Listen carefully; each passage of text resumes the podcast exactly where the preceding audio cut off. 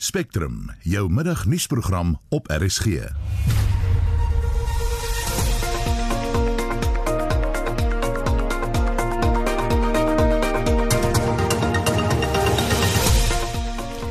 die program die pa van 'n graad 7 meisie wat na bewering by 'n bulwer in die KwaZulu-Natal se Middellande verkragt is, vra 'n swaar vonnis vir die verdagte. The police started investigating the case and the 17 year old suspect was arrested this morning with the assistance of the community from Donnybrook and he will appear in Kopo Magistrate Court soon.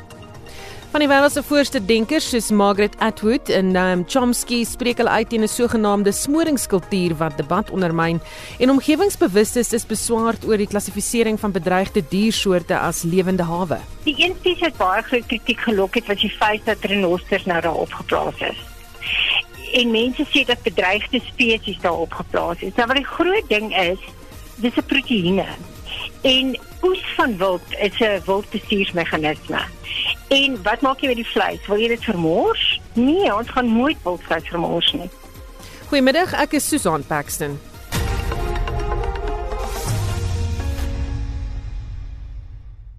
Nou 8 minute bykans 9 minute oor 1 lyk vir ons het 'n bietjie van 'n probleem daar met uh van die klankgrepe wat nou nie wil speel soos ons wil hê dit moet speel nie. Iets fout met die rekenaar, ons gaan dit nou regstel.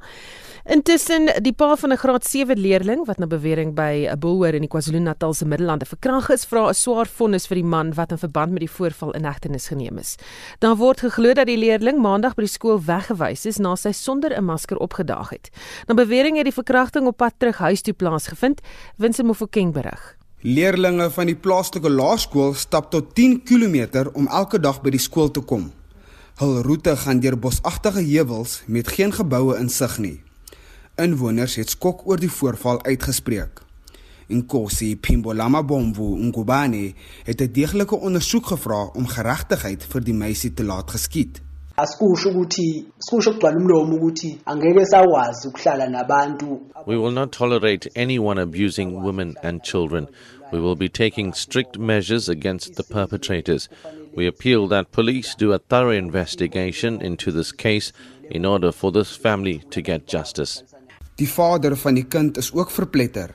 Hy bevraagteken waarom die skool nie ekstra maskers het vir leerdlinge wat hulle sin tuis vergeet het. En hy wil hê dat 'n swaar vonnis opgelê word. bengasithandi isigwebo sentambo kodwa ke eh, ngeke ngizijajele mina ngoba uhulumeni wayivala leyo nto yentambo I would have preferred the death sentence, but since government closed that sentence, my child's future has been destroyed by the incident. The court should not be lenient to him since there are allegations that he is underage.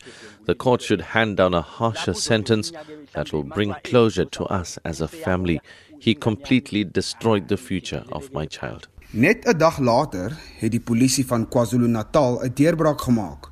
Polisiewoordvoerder Thembeka Mbele sê 'n verdagte is in hegtenis geneem. A case of rape was opened at Donnybrook SAPS yesterday. It's alleged that in the morning at 8 o'clock, a 12 year old girl was raped by an unknown suspect while at Mahoholo area in Donnybrook. The police started investigating the case and the 17 year old suspect was arrested this morning uh, with the assistance of the community from Donnybrook and he will appear in Kopo Magistrate Court soon. Die provinsiale onderwysdepartement sê in 'n verklaring hulle is ontstel oor die voorval. Die verslag van Nonkululeko Hlophe in KwaZulu-Natal. Ek is Vincent Mofokeng vir SAICanis. So 13 minute oor 1. Jy luister na Spectrum, 'n sterk tot stormsterk noordweste wind van tussen 60 en 75 km/h word op plekke in die Noord-Kaap en Wes-Kaap verwag. Dan word ook baie koue toestande in die Wes-Kaap en die suidelike hoogliggende gebiede van die Noord-Kaap verwag. Ons praat met 'n voorspeller by die Suid-Afrikaanse Weerdiens, Wayne Venter. Goeiemôre Wayne. Goeiemôre, goeiemôre aan al die luisteraars. Is daar enige waarskuwings vir vandag? Ons het die oomblik geen waarskuwings uit vir vandag oor die land. Ja, ek dink met die front soos dit nader kom teen môre verwag ons 'n uh, klomp waarskuwings vir al die gedeeltes van Suid-Afrika. Vertel ons bietjie meer van hierdie front, wat kan ons verwag? Ja, hierdie front word dan môre laatmiddag en aand oor die suidwestelike gedeelte van die Weskaap uh, verwag. Ons verwag redelike goeie reën neerslae vir al die Kaapse metropool, Kaapse wynlande, Oeverberg en die Weskus distrik van laatmôre middag en dit sal dan voor hier tot en met Vrydag. So ek praat hier van 50 mm in 'n 24 uur periode. En dan net ons saam met dit stormsterk winde van um, 70 tot 100 km per uur wat moontlik is oor die Weskaap en dit na die Weskaapse kus en in die binneland, die suidelike deel van die Noord-Kaap asook gedeeltes van die Oos-Kaap se binneland. So mense moet maar uitkyk vir daarvoor. En dan is ook moontlikheid van sneeu wat verwag word vol ehm um, teen Vrydag en Saterdag oor die hoogliggende gedeeltes van die van die Weskaap, die hoogliggende gedeeltes van die Oos-Kaap en ook die suidelike hoogliggende gedeeltes van die Noord-Kaap. Enige waarskuwings vir byvoorbeeld iets soos oorstromings? Ja, soms dit is swaar en wat ons verwag, ehm um, kan ook gelokaliseerde oorstromings ehm um, plaasvind vir al die Kaapse metropool en dan ook die Weskus en die Kaapse wynlande ehm um, en ook die Oeverberg. En dit is dan op al donderdag en vrydag. So mense moet maar die uitkyk wees daarvoor. En dan is eintlik nog 'n front wat teen Vrydagmiddag oor daai area deur beweeg. So is eintlik twee koue fronte wat deur gaan beweeg oor hierdie area. Een dan teen donderdag en dan een teen Vrydag. So dit is dan nou die swaar reën in plaas van. Baie dankie. Dit was Wayne Venter, 'n weervoorspeller van die Suid-Afrikaanse Weerdienste. 'n Groep van meer as 200 wetenskaplikes wat 'n oop brief aan die Wêreldgesondheidsorganisasie geskryf het, wil hê die organisasie moet toenemend bewyse erken dat die koronavirus deur middel van lugoordrag versprei kan word. Dit behels 'n proses waarin 'n persoon 'n mikrodruppels van die virus uitasem wat so klein is dat dit in die lug bly hang, wat dit dan moontlik maak vir ander mense om dit in te asem. Essie de Klerk doen verslag. Tot nou toe het die Wêreldgesondheidsorganisasie die moontlikheid dat COVID-19 deur middel van lugoordrag versprei kan word as gering afgemaak. Daarenteen het die organisasie gefokus daarop dat die virus hoofsaaklik versprei word deur middel van druppels wanneer mense hoes of nies. Maar die WHO se infeksie- en voorkomingsdepartement het nou van standpunt verander. Hier is die WHO se infeksievoorkomingskoördineerder, professor Benedetta Allegranzi. We acknowledge that uh, there is emerging evidence in this field, as in all other fields, uh, regarding the COVID 19 virus and, and pandemic.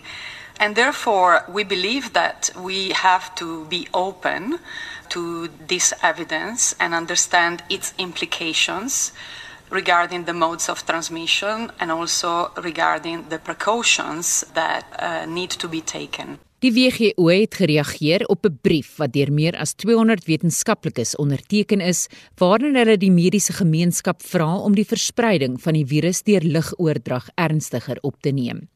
Professor Lydia Meroshka, verbonde aan die Queensland Universiteit van Tegnologie in Australië, is een van die hoofwetenskaplikes wat die brief geskryf het. Sy is 'n WGO raadgewer op die gebied van lugkwaliteit en gesondheid. We've known, the scientists, we've known for a long time that aerosols from human expiration, when we breathe, when we talk, when we speak, in the air and can be inhaled by others and uh, cause infections. So, in a way, this is nothing new. It is, however, extremely important that this was accepted, that this was acknowledged, because now we can move on and uh, we uh, can control this to minimize the infections. Sy meen die ventilasie van vertrekke sal 'n beduidende rol speel om die verspreiding van die virus beter te kan beheer. If the virus is in the air, because that's where it gets from our mouths, mouth or nose, uh, it has to be removed from the air. How do we remove it from the air? Improve ventilation, efficient and effective ventilation. Sometimes as simple as opening a window. Sometimes it's more complicated in mechanically ventilating buildings. Ventilation is the principle which we understand, and if we know that this is to be done, we can manage this. Die WGO skryf 'n sosiale afstand van ten minste 1 meter tussen mense voor. Maar sou dit steeds aanvaarbaar wees? point here is that there's a continuum of what we exhale. There's no sharp division between what's uh, emitted or what's below one meter or what's uh, past one meter. Uh, we exhale uh, aerosols which are in size range below one micrometer to over one millimeter, something we see. So there's no no strict boundary. Of course, the further away we are, the more safer we are against those big ones. But uh, but as I said, there's no sharp boundary. Dit was 'n wêreldgesondheidsorganisasie raadgewer op die gebied van lugkwaliteit en gesondheid, professor Lydia Meroshka. Ek is Estie de Klerk vir SAK nuus. Ons bly by die storie en praat nou met 'n infeksiebeheer spesialis en die hoof van interne geneeskunde aan die 3 Militêre Hospitaal in Bloemfontein, Dr. Kloete van Vieren. Goeiemôre Kloete. Hallo Susan. Die data wat ons inkry en wat uh, navorsing nou, jy weet, aan die lig bring verander so vinnig. Wat is jou opinie oor die verspreiding van die virus deur lugoordrag? Ja, Susan, die feit dat hulle dit nou laas het gepubliseer het of die Wêreldgesondheidsorganisasie dit vandag standpunt gemaak beteken nie van vandag af is dit so nie. Dit is tog nou van die begin af so. Ehm um, en niks eintlik verander nie behalwe ons siening van die ding. Nou ek dink die konteks hiervan is die absolute voorbeeld van druppeloordrag wat ons gebruik is griep. Maar ons weet tog nog almal van altyd af dat 'n klein persentasie van griep word deur aerosols oorgedra. Die ander spektrum is tuberkulose. Tuberkulose word feitelik net deur aerosols oorgedra. En tussen hierdie twee is die hele spektrum. En druppeltjies wat jy uithoes, hoes is mos nou net 'n spesifieke grootte en daarom val dit in druppel of in aerosol kategorie nie. Dit verteenwoordig alles.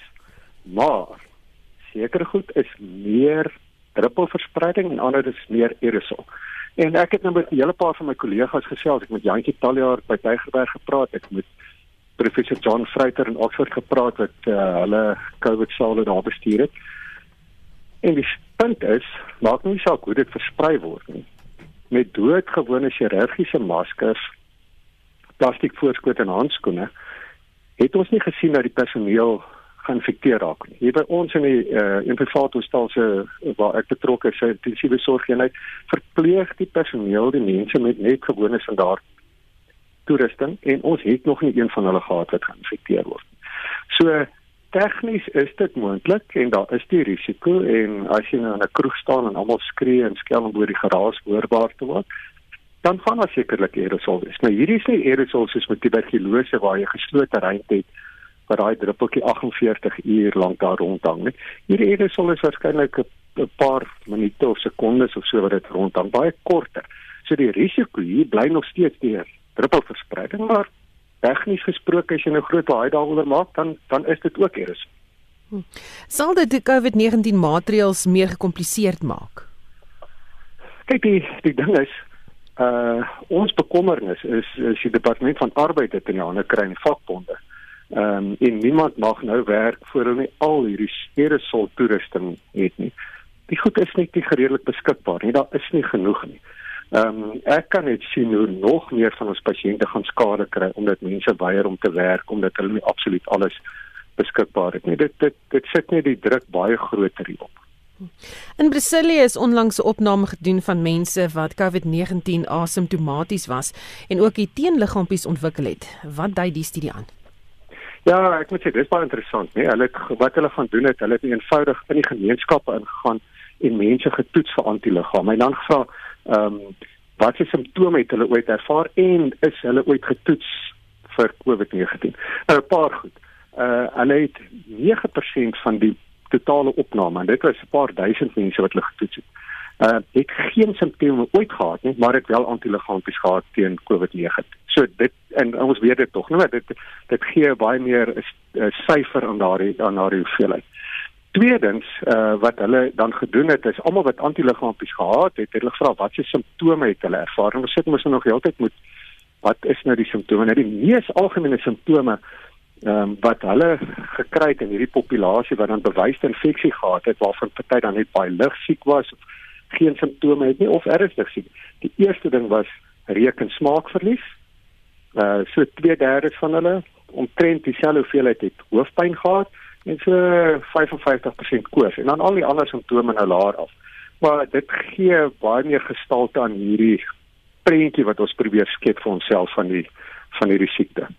By 3 militêre hospitale is julle ook besig met navorsing oor teenliggame. Vertel ons vinnig daarvan. Oh, weet jy Susan, eintlik is dit op die Universiteit van die Vrystaat. Ek het by 'n kollega van my in Oxford, uh, professor Freiter, het gereël dat hulle vir van hulle ehm um, antigene, so hulle stuur dit in 'n koevert in wat op 'n stukkie fotopapier 'n paar bakterieë met hierdie antigene in dit. Ons het dit hier by professor Felicity Burke by die Universiteit dit vanmiddag voldig. Ons het dit in mensselle ingesit. Oh. Lyk vir my Lyk vir my ons het 'n probleem met daardie lyn wat nou nie wil stabiliseer nie. Ons gaan kyk of ons hom op 'n latere stadium weer kan kry dat hy vir ons bietjie gesels oor die navorsing oor die teenliggame wat hulle doen daar by Drie Militêre Hospitaal in Bloemfontein, so met ander woorde hier op eie bodem. En uh, dit was die infeksiebeheer spesialis aan Drie Militêre Hospitaal in Bloemfontein, Dr. Kloete van Vieren. Soos jy vroeër in die nuus gehoor het, het buitelanders wat in die logistieke bedryf in Suid-Afrika werk, is hulle bekommerd oor die vragmotorstaking. Hulle sê hulle word geteiken ten spyte daarvan dat hulle aan die nodigte vereistes vir hulle werk voldoen. Meer as 1000 vragmotorbestuurders het gister aan protesoptredes landwyd deelgeneem teen die indiensneming van buitelanders. 'n Interdik is intussen toegestaan wat verhoed dat die All Truck Drivers Foundation enige verdere protesoptredes reël, aanmoedig of aanhits. Intussen is nog twee vragmotors vanoggend op die N1 tussen Klapmuts en Joostenburg vlak vragte aan die brand gesteek. Die president van die vragmotorvereniging, Mary Padi, sê hulle hoop die situasie sal vinnig na normaal terugkeer. We are aware that the, yesterday they were given an interdict that they should not strike and they continue to the strike. And today we are hoping that the situation will be normal because our understanding was that they were going to just go into a strike for one day, which was yesterday. Padi sê enige optrede vandag is onwettig nadat 'n interdikt teen die gewelddadige betogings verkry is. Sy sê verder dat beweringe dat vragmotorbestuurders afkomstig uit die buiteland aan ander vereistes moet voldoen as Suid-Afrikaanse bestuurders is onwaar. If if you are driving a truck as a foreigner, you need to have a work permit. The claims that these drivers we allow them to drive a truck illegally so it's quite a difficult thing to do because there is no insurance that will be able to pay you when your truck is in an accident. So for now, our members have been giving those drivers trucks with the work permit and the PDP that is valid, obviously, as well as those local South African drivers. They still have to give us certain documents to be able to drive those trucks. Body sê verder gerugte wat versprei word dat 90% van bestuurders buitelanders is, kan nie bevestig word nie. Talking to them will be engaging with them in in few days time to say that how does one determine its percentage? Because for many years, employers, which are now truckers, have been employing both local and foreign drivers. So all the years, there were no complaints. And the complaints came three years ago. Now, one cannot dismiss an employee who is permanent in your company for you to replace that person with a new employee. So what we were saying to them was that allow us to be able to recruit new drivers instead of continuing with the way we used to do the recruitment in our companies. So the percentage of it, it's really something that is questionable and we are working with you to understand how does one come with such a percentage, higher percentage. Die woordvoerder van die Suid-Afrikaanse Padvragvereniging, Gavin Kelly, het op sy beurt gesê dat daar geen klinkklare bewyse is dat 90% van vragmotorbestuurders buitelanders is nie. As far as I'm aware, there is a percentage, and the percentage is somewhere around 10% of drivers of foreign nationals. That percentage, or the research into that, was a task that was given to the Department of Labour last year when this first flared up. It was when those grievances were first raised, then the Department of Labour, being pushed by the trucking association through the council, said, right, let's go and do some research to find out whether this is in actual fact true. And secondly, to find out what the number of illegal foreign drivers actually was, because you remember that last year the contention was two things. It was that foreigners were being employed in preference to locals, to local citizens. And secondly, was that why were South African companies allegedly employing so many foreigners? So, so the second thing that the Council and the Department of Labour had to do was to go and look at the conditions under which or in which these foreign drivers were being employed. Because if I'm going to employ somebody in my company and I'm going to employ them at the same rate of pay, under the same conditions, basic conditions of employment, as I would do a local, would there be a benefit for me to employ somebody who was in in inverted commas illegal and came from a different source of labor? So the simple answer to that is no, I wouldn't. Therein lies an answer to your first question why would somebody employ a foreigner? If I'm employing somebody who is not legal, I can then pay them far less Kelly sê hy ontken nie dat daar dalk 'n probleem is in die sektor nie, maar om vragmotors aan die brand te steek uit protes gaan nie meer werksgeleenthede skep nie, maar eerder minder. And what we did as trucking associations through through the council is we said to the Department of Labour, right, go and investigate this, go and do the research. And if you find either drivers or, or employees, let's use that term, or employers, in other words, companies, who are breaking the law, then deal with them. Then follow the procedures that are in pieces of legislation, get the South African Police Services to arrest, and do what you need to do. Because the associations, as much as we would like to, we are not policing organizations. Go out there and, you know, walk into operator ABC and say, oh, you're doing this, this, this, and we'll close you down. That, that's not our role. Kelly sê die vakbond se beleid is ook dat Suid-Afrikaners in elk geval voorkeur moet kry wat betref werksgeleenthede. We obviously want to make sure that the citizens of this country have a fair opportunity to earn a wage, to look after their families as it is everywhere else in the world. I would accept a quota that is acceptable to the unions. So remember, we, we, we are two parties to this. There's the employer and the employees. We represent the employer. We have very good relationships with the unions, represent the employees, and we would sit down and negotiate that. En dit was die woordvoerder eh, van die Suid-Afrikaanse Padvragvereniging, Gavin Kelly. Jy luister na Spectrum elke weekmiddag tussen 1 en 2.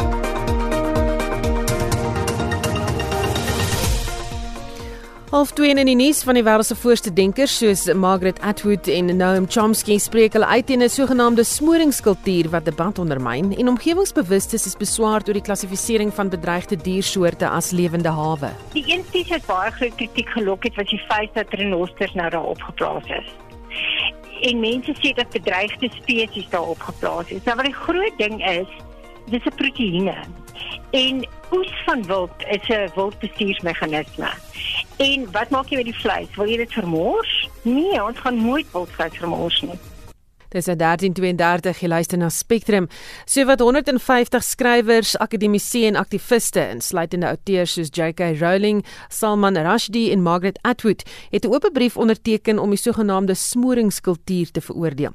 Die brief is gister in die Harper's Magazine gepubliseer. Smoringskultuur verwys na die veroordeling of verwerping van individue wat 'n sterk mening gelig het op sosiale media. En ons praat nou oor hierdie gepubliseerde brief met 'n dosent in filosofie aan die Universiteit van die Vrystaat professor Johan Rousseau, asook met professor Anton van Niekerk verbonde aan die departement filosofie aan Universiteit Stellenbosch. Goeiemôre Johan. Môre Susan. Goeiemôre Anton. Môre Susan, môre Johan. Môre Anton. Professor van Niekerk in kort, waaroor gaan hierdie brief? Ehm um, dit is nogal 'n heel interessante brief en ek moet nou bely dat ek dit eh uh, dis nie baie lank nie, dit is 'n bladsy en 'n half en dat ek dit met uh, redelike mate van plesier gelees het. Dit gaan oor 'n krisis in wat hulle noem ons kulturele instellings. Nou vir uh, ons gebruik die woord instellings baie en weet nie altyd wat ons daarmee bedoel. Die instellings beteken maar gewoon mense wat nie as individue nie, maar as groepe optree om bepaalde gemeenskaplike doeleindes te bereik. En uh so so 'n uh, kulturele instelling is die uh is die instelling van die demokrasie, né, of die instelling van die universiteit waar ons 'n bietjie later kan praat. Nou die die punt wat hierdie uh skrywers maak is uh, dat uh daar is 'n al meer mate van onverdraagsaamheid wat wat ons aangewoond is in die openbare debat van die regterkant van die politieke spektrum ons verwag van hulle mate van onverdraagsaamheid dit is altyd deel van hulle argument of van 'n manier van redeneer maar nou nou is dit besig om poste vat van die linkerkant van die politieke spektrum. Ehm um, en en hulle hulle begin hulle brief heel genuanceerd, nee, hulle is ten gunste van dinge soos polisie reformatie, groter uh, gelykheid, inklusiwiteit en so meer. Maar uh, dan dan vind ons toenemend in openbare debatte vandag volgens die skrywers dat uh mense 'n uh, uh, uh, totale onverdraagsaamheid begin toon indien hulle eie beskouinge oor wat 'n uh, groter gelykheid en inklusiwiteit en demokrasie by as wanneer dit nie ernstig uh, opgeneem word nie. En die gevolg daarvan is 'n uh, wat hulle softheid oor uitspreek is dat ons al meer beweeg in die rigting van 'n soort groue konformiteit, né? Uh, konformiteit uh, waar ons uh of uniformiteit van van uh, redenasie waar waar 'n verskeidenheid van standpunte nie meer ernstig opgeneem word nie en daar mense wat van jou bepaalde posisie verskil eenvoudig geostraseer word uh in in die proses. Ek dink ek moet dit maar eers daar laat.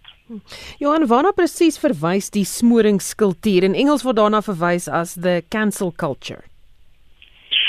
Ja, uh, Susan, ek dink Anton het nou eintlik al baie netjies van die aspekte daarvan geraak, maar uh, in kort sal ons seker kan sê dit is ehm, 'n um, toenemende um, eintlik verskynsel wat in 'n soort van 'n kultuur word omdat dit so gereeld voorkom waarin uh standpunte net so selfs ook wel sê simbole uh van uh persone wat om een of ander rede vir die vir, jouself dan nou vir jou groep uh, sogenaamd aanstoot gee uh moet eintlik aan geweldige sensuur onderwerp word. Ek dink dit is in kort en, en ek dink ook Anton het dit het die belangrike punt gemaak um dat dat mense dit nou ook um van die linkerkant van die spektrum sien wat dit te maak het met 'n soort van um uh eie geregtigheid, 'n diep oortuiging van my eie morele meerderwaardigheid teens ander en in naam daarvan kan ek dan nou hierdie ander dan as ware stil maak. Ehm um, maar ehm um, ek dink dit sluit aan by ehm um, of dit dra toenemend ook 'n tendens wat ehm um, vir vir die Amerikaanse samelewing ehm um, eintlik van alle kante van die politieke spektrum um, word dat mense as ware uh ten minste hoorende doof wil hou uh, vir verstandpunte waarmee hulle nie saamstem nie. Anton, hoe groot rol speel sosiale media veral in die smoringskultuur? Ja, Susan, Susan weet speel sosiale media min of meer oral in ons samelewing op hierdie stadium uh, 'n baie prominente rol. Uh, ek self ook beleid dat ek nou nie 'n vreeslike uh, enthousiastiese aanhanger van sosiale media is nie, maar maar dit beteken nie dat dit nie belangrik is nie. Sosiale media uh, uh, uh, het geweldige groot voordele. Dit help nie dat ons dit wil ontken nie. Uh, dink maar byvoorbeeld net in die sakewêreld vir markingsdoeleindes en so meer watter 'n nuwe wêreld opgegaan het vir mense as gevolg van sosiale media. Maar nou dit ons uh terselfdertyd die meeste sosiale media wat ek lees is maar hierdie uh, kommentare onder aan koerantberigte wat ons in die in die in die uh uh uh weet uh, die uh, geïndekseerde uh, koerante kry. En uh, en en en ons weet weet met watter vernuim daar uh, opgetree word. Ons weet hoe mense in in sosiale media wat die om die Engelse uitdrukking te gebruik geneem en geshame nee daai spel uh, as as dit as as as intellektuele dit sou waag om dan nou nie die gebaande weer of die uh, konformistiese standpunte uh propageer die dan sosiale media min of meer die eerste fora wat uh, na vore kom om om hierdie onverdraagsaamheidskultuur waaroor die brief handel om dit uh, na vore te te stoot. Anton de Villiers daar gesels die groep sê hulle loof die onlangse erkenning van rassegeregtigheid, maar sê dit het oop debat oor die onderwerp in die kiem gesmoor. Gaan dit oor die beginsel van praat eerder as stil maak? Uh ek is bevrees uh dit is die besorgdheid wat hulle artikuleer, né? Uh dat jy dat jy ehm um, dit ontmoedig dat mense openhartig praat en redeneer en debatteer oor wat ook al jy weet te sake sou wees van die dag en dat jy hulle dat jy hulle op hierdie manier sodanig probeer intimideer dat jy hulle inderwaarheid stil maak. En dit uh, ek sou wil sê as dit so is die die, die saak is natuurlik altyd 'n bietjie meer uh, gekompliseerd. As ons vat maar net die die die kwessie van in die in die, uh, in die onlangse tyd in die FSA uh, oor die opstande wat daar uh, plaasgevind het. En men daar is 'n daar's 'n groot klomp meriete uh in daardie ver, verontwaardiging oor die onderliggende rasisme wat 'n mens kry in ehm um, in 'n in 'n land soos soos die FSA. Maar uh dan dan dan gaan dit ver. Dan uh dan dan kry jy 'n soort van 'n konvensionele standpunt wat uh die media en so meer begin oorheers. En enige ou wat sou waag om daarvan af te wyk. Ek bedoel hy hy word word baie baie rustig aangespreek. Johan, jou mening hieroor? Ja, Susan, ek uh, ek stem saam met wat Anton sê, maar in in aansluiting daarbey, uh, ek dink dat wat ons uh, wat ons ook sien mense regtig 'n bietjie moet gesels oor die oor die onderliggende uh, oorsake van uh, hierdie ver, verhitte debat in die FSA. Ehm um, en uh, kyk ek dink geen regdenkende mens kan uh, ontken dat ehm um, uh, rasisme ook in die FSA voorkom en dis meer nie.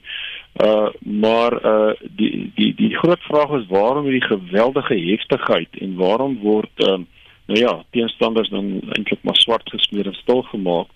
Ja en en in 'n sekere sin dink ek dat um uh rasisme raak eintlik 'n soort van plekhouer vir 'n klomp ander kwessies en as ek net vinnig daarna kan verwys, um ek dink een van daai kwessies is um die feit dat die uh Amerikaanse samelewing uh het het afgelope kom ons sê 30, 40, 50 jaar het die uh die samestelling daarvan geweldig verander. Dit het uh um, waar dit altyd um, kom ons sê dominante amper uh Anglo-Saksiese um, westerse kultuur gehad het met met 'n hele klompie ander daarbye um het dit het nou baie meer uh, divers geraak en nou as mens kyk na byvoorbeeld 'n land soos Israel waar 'n soortgelyke proses om afspeel het Israel eintlik geskuif van 'n twee-partytelsel na uh, na koalisiepolitiek en dit het die voordeel dat dit uh, uh hierdie subgroepe in die burgery uh laat voel hulle word ten minste polities verteenwoordig.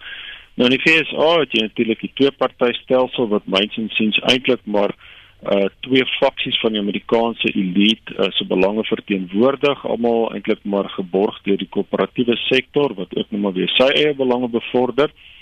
Met die gevolg dat uh ek dink daar is um al hoe meer uh, verskillende subgroepe in die Amerikaanse burgery wat eintlik polities onverteenwoordig voel. En uh en dan uh, raak uh, rasisme raak nou een van die merkers as dit ware waar, waar langs of mediums waar langs ehm um, hierdie onderliggende frustrasie dan ehm um, eintlik ontplof en en uitgedruk word en ek dink dit is ehm um, dit is een van die belangrike redes uh, waarom uh, jy dan so hardhandig met jou gespreksgenote en jou opponente te werk gaan. Daar word verwys na oordadige politieke korrektheid en die gebrek aan verdraagsaamheid waarna jy verwys. Ook vryheid van spraak, dui dit op 'n uitwissingskultuur te midde van 'n morele suiweringsdrang, Johan. Ja, Susan, dis nou 'n vraag is nou 'n is 'n mondvol.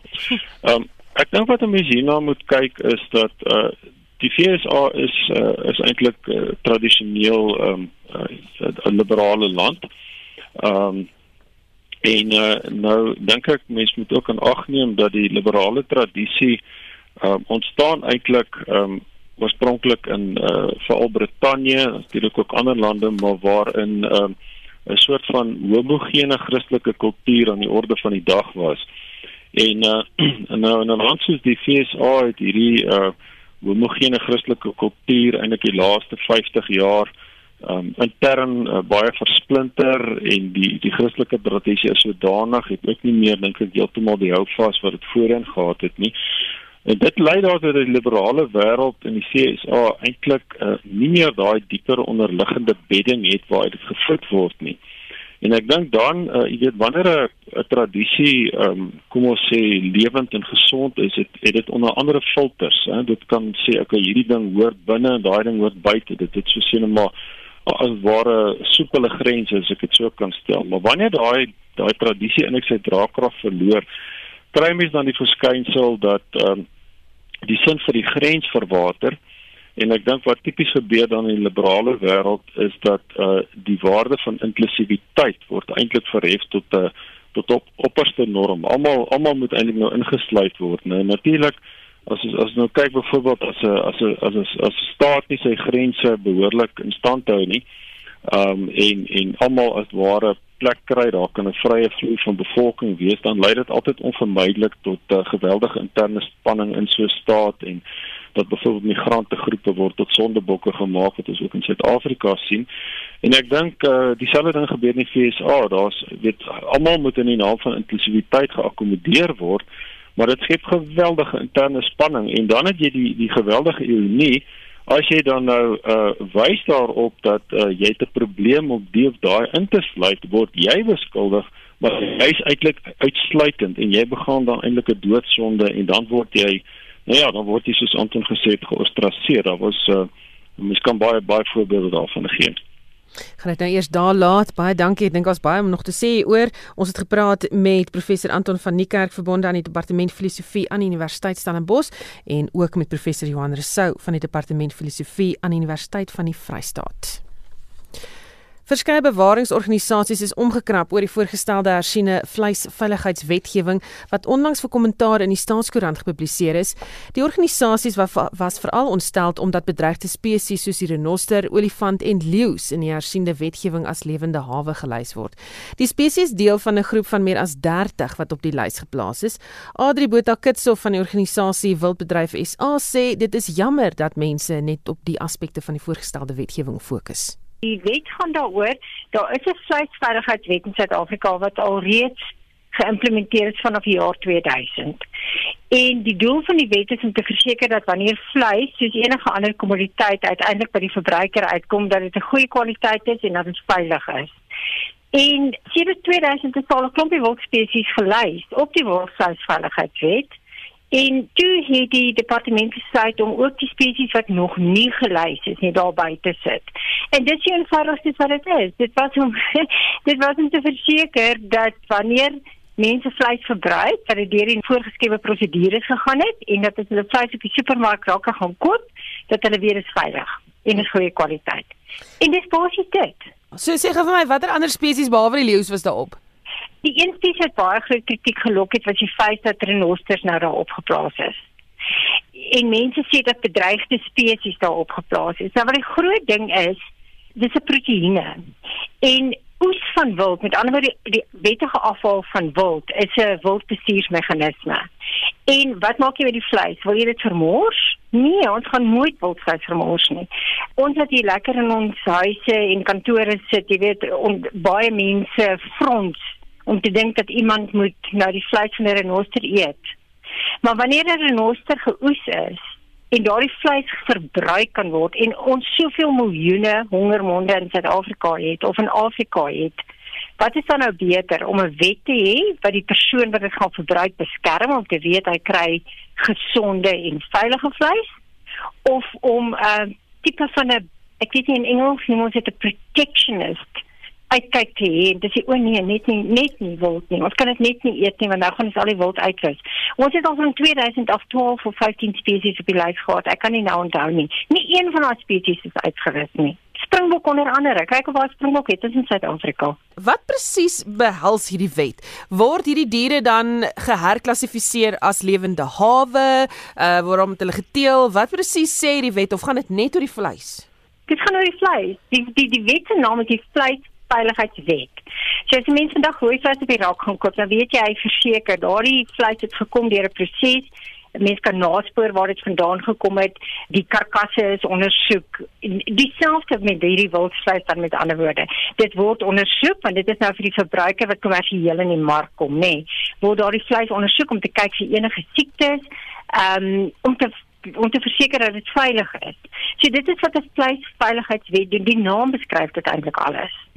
Dit gaan nie noodwendig beteken dat ons eweskielik uh, renosters op die spyskaart sit nie. Uh soos jy sê dis 'n bedreigde spesies. Dis net wanneer daar wel toestemming gegee word dat een geoes word.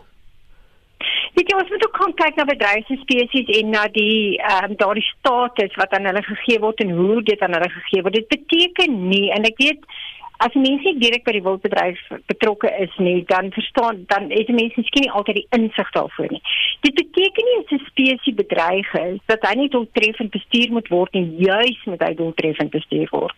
En die beheer van getalle en die verhoudings van geslagte en die spasie wat daar is om om met hierdie diere te kan teel dan nou of in jou wildsplaas of in gemeenskapsareas met wild wat hulle dit kan aanhou en dit vir hulle waarde bied. Dit is alles deel van wildbestuur. En as jy dan die dier moet afhaal in 'n wettige oes, wat dan? So baie keer word daar gesê maar jagters gaan byvoorbeeld net in hulle jag vir trofee en hulle kyk nie na die gebruik van vleis nie. Hierdie ding is juis om die verbruik van vleis wettiglik en nasporingswaardig en gesond te laat dit gebeur.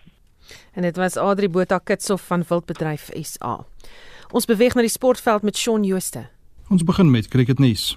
Onthou gerus dat toets cricket vandag hervat word met die eerste van 3 toetse tussen Engeland en die Wes-Indiese eilande wat in Southampton gespeel word. Reën het die begin van die wedstryd uitgestel. Die Protea sterre, Rassie van der Dussen, Tabrai Shamsi en Anrich Norke is gister vir die 2020 Karibiese Premier Liga deur ander spanne opgerap. Imran Tahir en Colin Ingram is deur al 2019 spanne behou. Die liga vind tussen 18 Augustus en 10 September plaas. Tennis. Die wêreldnommer 2 manspeler, Rafael Nadal van Spanje, het gister bevestig dat hy aan die Madrid Ope gaan deelneem. Dit plaas egter sy deelname aan die Amerikaanse Ope in gedrang aangesien die ope in Spanje 'n dag na die major se eindstryd begin. Nadal is ook die verdedigende kampioen in Amerika. En laastens vanaand op die sokkerveld in die Engelse Premier Liga met Manchester City teen Newcastle United, Sheffield United teen Wolves en West Ham United teen Burnley kragte. Dit is 7 uur en kwart oor 9 draf Brighton en Hove Albion teen Liverpool op die veld uit. In Spanje in die La Liga kom Getafe half 9 teen Villarreal en Barcelona 10 uur teen Espanyol te staan. En in Italië in die Serie A speel Genoa half 8 teen Napoli, Roma kwart voor 10 teen Parma en Atalanta dieselfde tyd teen Sampdoria. Dit was Shaun Jooste van RSG Sport. Ekonomiese nuus: Edgars se handelsnaam sal waarskynlik bly voortbestaan nadat die kleinhandelaar Retailability 'n aanbod gemaak het vir sekere van die Edcon groep se onderafdelings. Retailability besit handelsname soos Legit. Die sakereddingspraktisyn sê ooreenkomste is onderteken en dit kan 'n positiewe uiteinde hê vir die proses as alles vlot verloop. Ons praat nou met die ekonom van Rebalance Fondsbestuurders Dr. Chris Harmse. Goeiemôre Chris. Maar dis so. Gaan hierdie proses daartoe lei dat werksgeleenthede gered word? Ja, inderdaad. As jy kyk wat meneer uh, Marston sê van die ehm uh, uh, liquidateurs wat kyk nou natuurlik die ouer die uh, besigheids ehm uh, reddingsplan daar sit. Hy verduidelik baie mooi, daar's 22000 werkers. Hulle het uh klaar uh, eintlik gesê dat hulle kan uh, natuurlik uh, uh afreggingspakkette kry mits natuurlik die uh, maatskappy gered word. En uh hulle wil nie op hierdie stadium sê hoeveel nie, maar ek het 'n vermoede 'n groot gedeelte. Waarskynlik die helfte daarvan sal op die ou end hulle hulle werk behou. Uh uh hy daarteenoor gestel dat indien die indien die uh reddingspakket nie aanvaar word nie en liquidasie gaan plaasvind dan uh reken dit gaan aan die einde van die van die hele winkelgroep wees en dan gaan basies uh weet almal uh almal afgedank word of of niemand gaan meer dan dan 'n werk hê nie met aan oor die maatskappy gaan glad nie bestaan nie. Wat is die verskil tussen Edcon wat in sake redding geplaas is en so vinnig tot 'n uiteinde kon kom en die SAA wat in dieselfde bootjie sit maar nie tot 'n punt kan kom nie? Baie maklik, uh, Susan, die uh, al die vakbonde wat betrokke is by die Edcon het die uh, reddingsplan uh, vroegtydig al aanvaar. Uh en hulle het nie met voorwaardes gekom nie. Hulle het gesê hulle het dit doodgewoon aanvaar. Uh want hulle sê vir presies dieselfde rede dat hoe ver as moontlik word hulle werkgeleenthede behou. Uh en uh ek dink dis die verskil. Ehm uh, hulle het van die begin af saam met die plan gegaan en die die die, feit van die saak is uh as gevolg daarvan is dit ook die tydsaspek. Uh die uh liquidateur sê in die master is dat uh, die mense wat by Edgars werk gaan nog Junie en Julie het hulle salaris gekry. En dan hoop hy om aan die einde van Augustus die totale bates klaar beskikbaar te hê dit uit te verkoop uh die um, die die reddingspakket in die reddingsplan op die tafel te sit sodat die mense in Augustus uh weet weer kan salarisse kry en in diens gestel word. So dit wys jou net indien die indien al die rolspelers saamspeel uh, wat die vakbonde aanbetref, kan jy hierdie ding baie vinnig, baie gou oplos met die minste pyn. Daarteenoor natuurlik het uh um SAL uh baie stem nie in nie. Uh ons veral Marita jy personeel, hulle sê hulle 60% weer hè uh vir reddingspakkette. Uh so hulle stem nie in een nie daar is uh dreigende hofsaake uh, uh selfs dreig die regering dat die regering moet uh, die 10 uh, miljard betaal uh dat SAL kan voortgaan uh en so dis die verskil. Uh die verskil is, is dat daar is 'n uh, uh, nie 'n uh, ooreenstemming tussen die partye nie en uh dit kan beteken dat ons einde van die SAL gesien het. Baie dankie. Dit was Dr. Chris Harm se ekonom van Rebalance Fonds bestuurders. Die Ngwati plaaslike munisipaliteit, dit sluit in Parys, Vredefort, Heilbron, Koppies en Edenville, op die oewer van die Vaalrivier word gedwing om die rivier te besoedel, glo weens Eskom se weiering om substasiekapasiteit te vergroot en die toepas van verpligte beurtkrag. Ons praat met die Vryheidsfront Plus raadslid in Ngwati plaaslike munisipaliteit, Philip van der Merwe. Goeiemôre Philip. Goeiemôre Susan, al die luisteraars. Skets vir ons die situasie daar. Goed, ehm um, die uh, ooreenkoms wat jare gelede met Eskom aangegaan is vir die voorsiening van krag aan Parys spesifiek waar die probleem is, was op 21 ehm um, kVA 'n uh, groot maat voorsiening ooreengekom.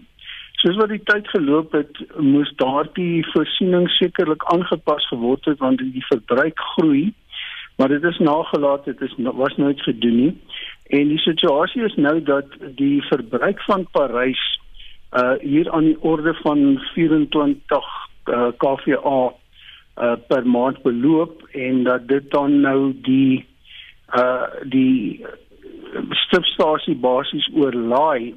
Nou uh Eskom het 'n effekkapasiteit op Parys want hulle het twee transformators wat elkeen 20 kVA kan lewer maar een van hulle is defek en Eskom het lank terug onderneem dat hulle die transformator sal herstel maar dat uh, vorder net nie dit word nie eenvoudig net nie gedoen nie. So uh, op die oomblik word die een transformator wat wel werk word dan nou oorlaai en daarom het Eskom vir Parys die ultimatum gestel en gesê julle moet julle eie krag intern beheer om die totale aanvraag onder 21 kVA te hou anders sny ons hulle af. En die munisipaliteit moes toe nou die hele gebied in dorp in in blokke gaan indeel en dan moet hulle nou van tyd tot tyd 'n blok se krag afskakel. Uh die situasie is so dat die uh, installasies noodsaaklike dienste installasies soos die waterwerke en die rioolwerke het nie afsonderlike eie toevoer nie. Hulle is deel van 'n blok en gevolglik wanneer daardie spesifieke blok se krag afgeskakel moet word, dan staan die krag ook uh by die waterwerke en staan ook by die rioolwerke. Nou die groot probleem wat onlangs weer gebeur het is dat Parys se uh water sy rioolwater kan nie alles deur na uh deur ehm um, vloei uh, by die werke uitkom nie. Dit graviteer met ander woorde nie en uh, daar moet pompstasies loop om die riool te pomp. So wat nou gebeur is dat die pompstasie staan wanneer die krag daar af is en dan vloei dit oor en die oorvloei loop dan in die rivier en dit is wat die jongste debakel veroorsaak het. Philip, uh, net 'n laaste vraag. Uh jy weet voor ons moet groet hierso aan Spectrum se kant. Wat is wat gaan julle doen nie omtrent? Gaan julle wag vir Eskom om vir julle meer kapasiteit te gee of hoe gaan julle die saak oplos? Ons is besig. Ons sou verlede week met Eskom vergader het, maar toe was hulle senior bestuurders nie beskikbaar nie, so ons hoop om eers nog in hierdie week met hulle te praat. Uh ons het ook die saak parlementêr opgeneem met die adjunk president uh en hy het by 'n vrae en antwoord sessie in die parlement aangedui dat die situasie nie aanvaarbaar is nie. Ons maak nou ook staat op sy hulp om in te gryp om vir ons te help om Eskom se ver te kry om vir ons die kapasiteit te verhoog. Baie dankie. Dit was die Vryheidsfront Plus raadslid in Ingwati plaaslike munisipaliteit, Philip van der Merwe met wat met ons gepraat het uh, oor die jongste verwikkelinge daar. Net so voor ons groet uh, verkeersnuus, daar staan 'n voertuig op die N1 Noord by die Rivonia weg afrit in die linkerbaan, Rivonia weg, en in KwaZulu-Natal is die verkeer baie druk op die N2 Noord tussen Solomon Mthlangu en die EB Kloete wisselaar. Hou dit in gedagte as jy daar ry. daarmee groet die Spectrum span, ons waarnemende uitvoerende regisseur en redakteur is Hendrik Martin. Ons produksieregisseur Frik Wallis. Ek is Susan Paxton. Geniet jou middag.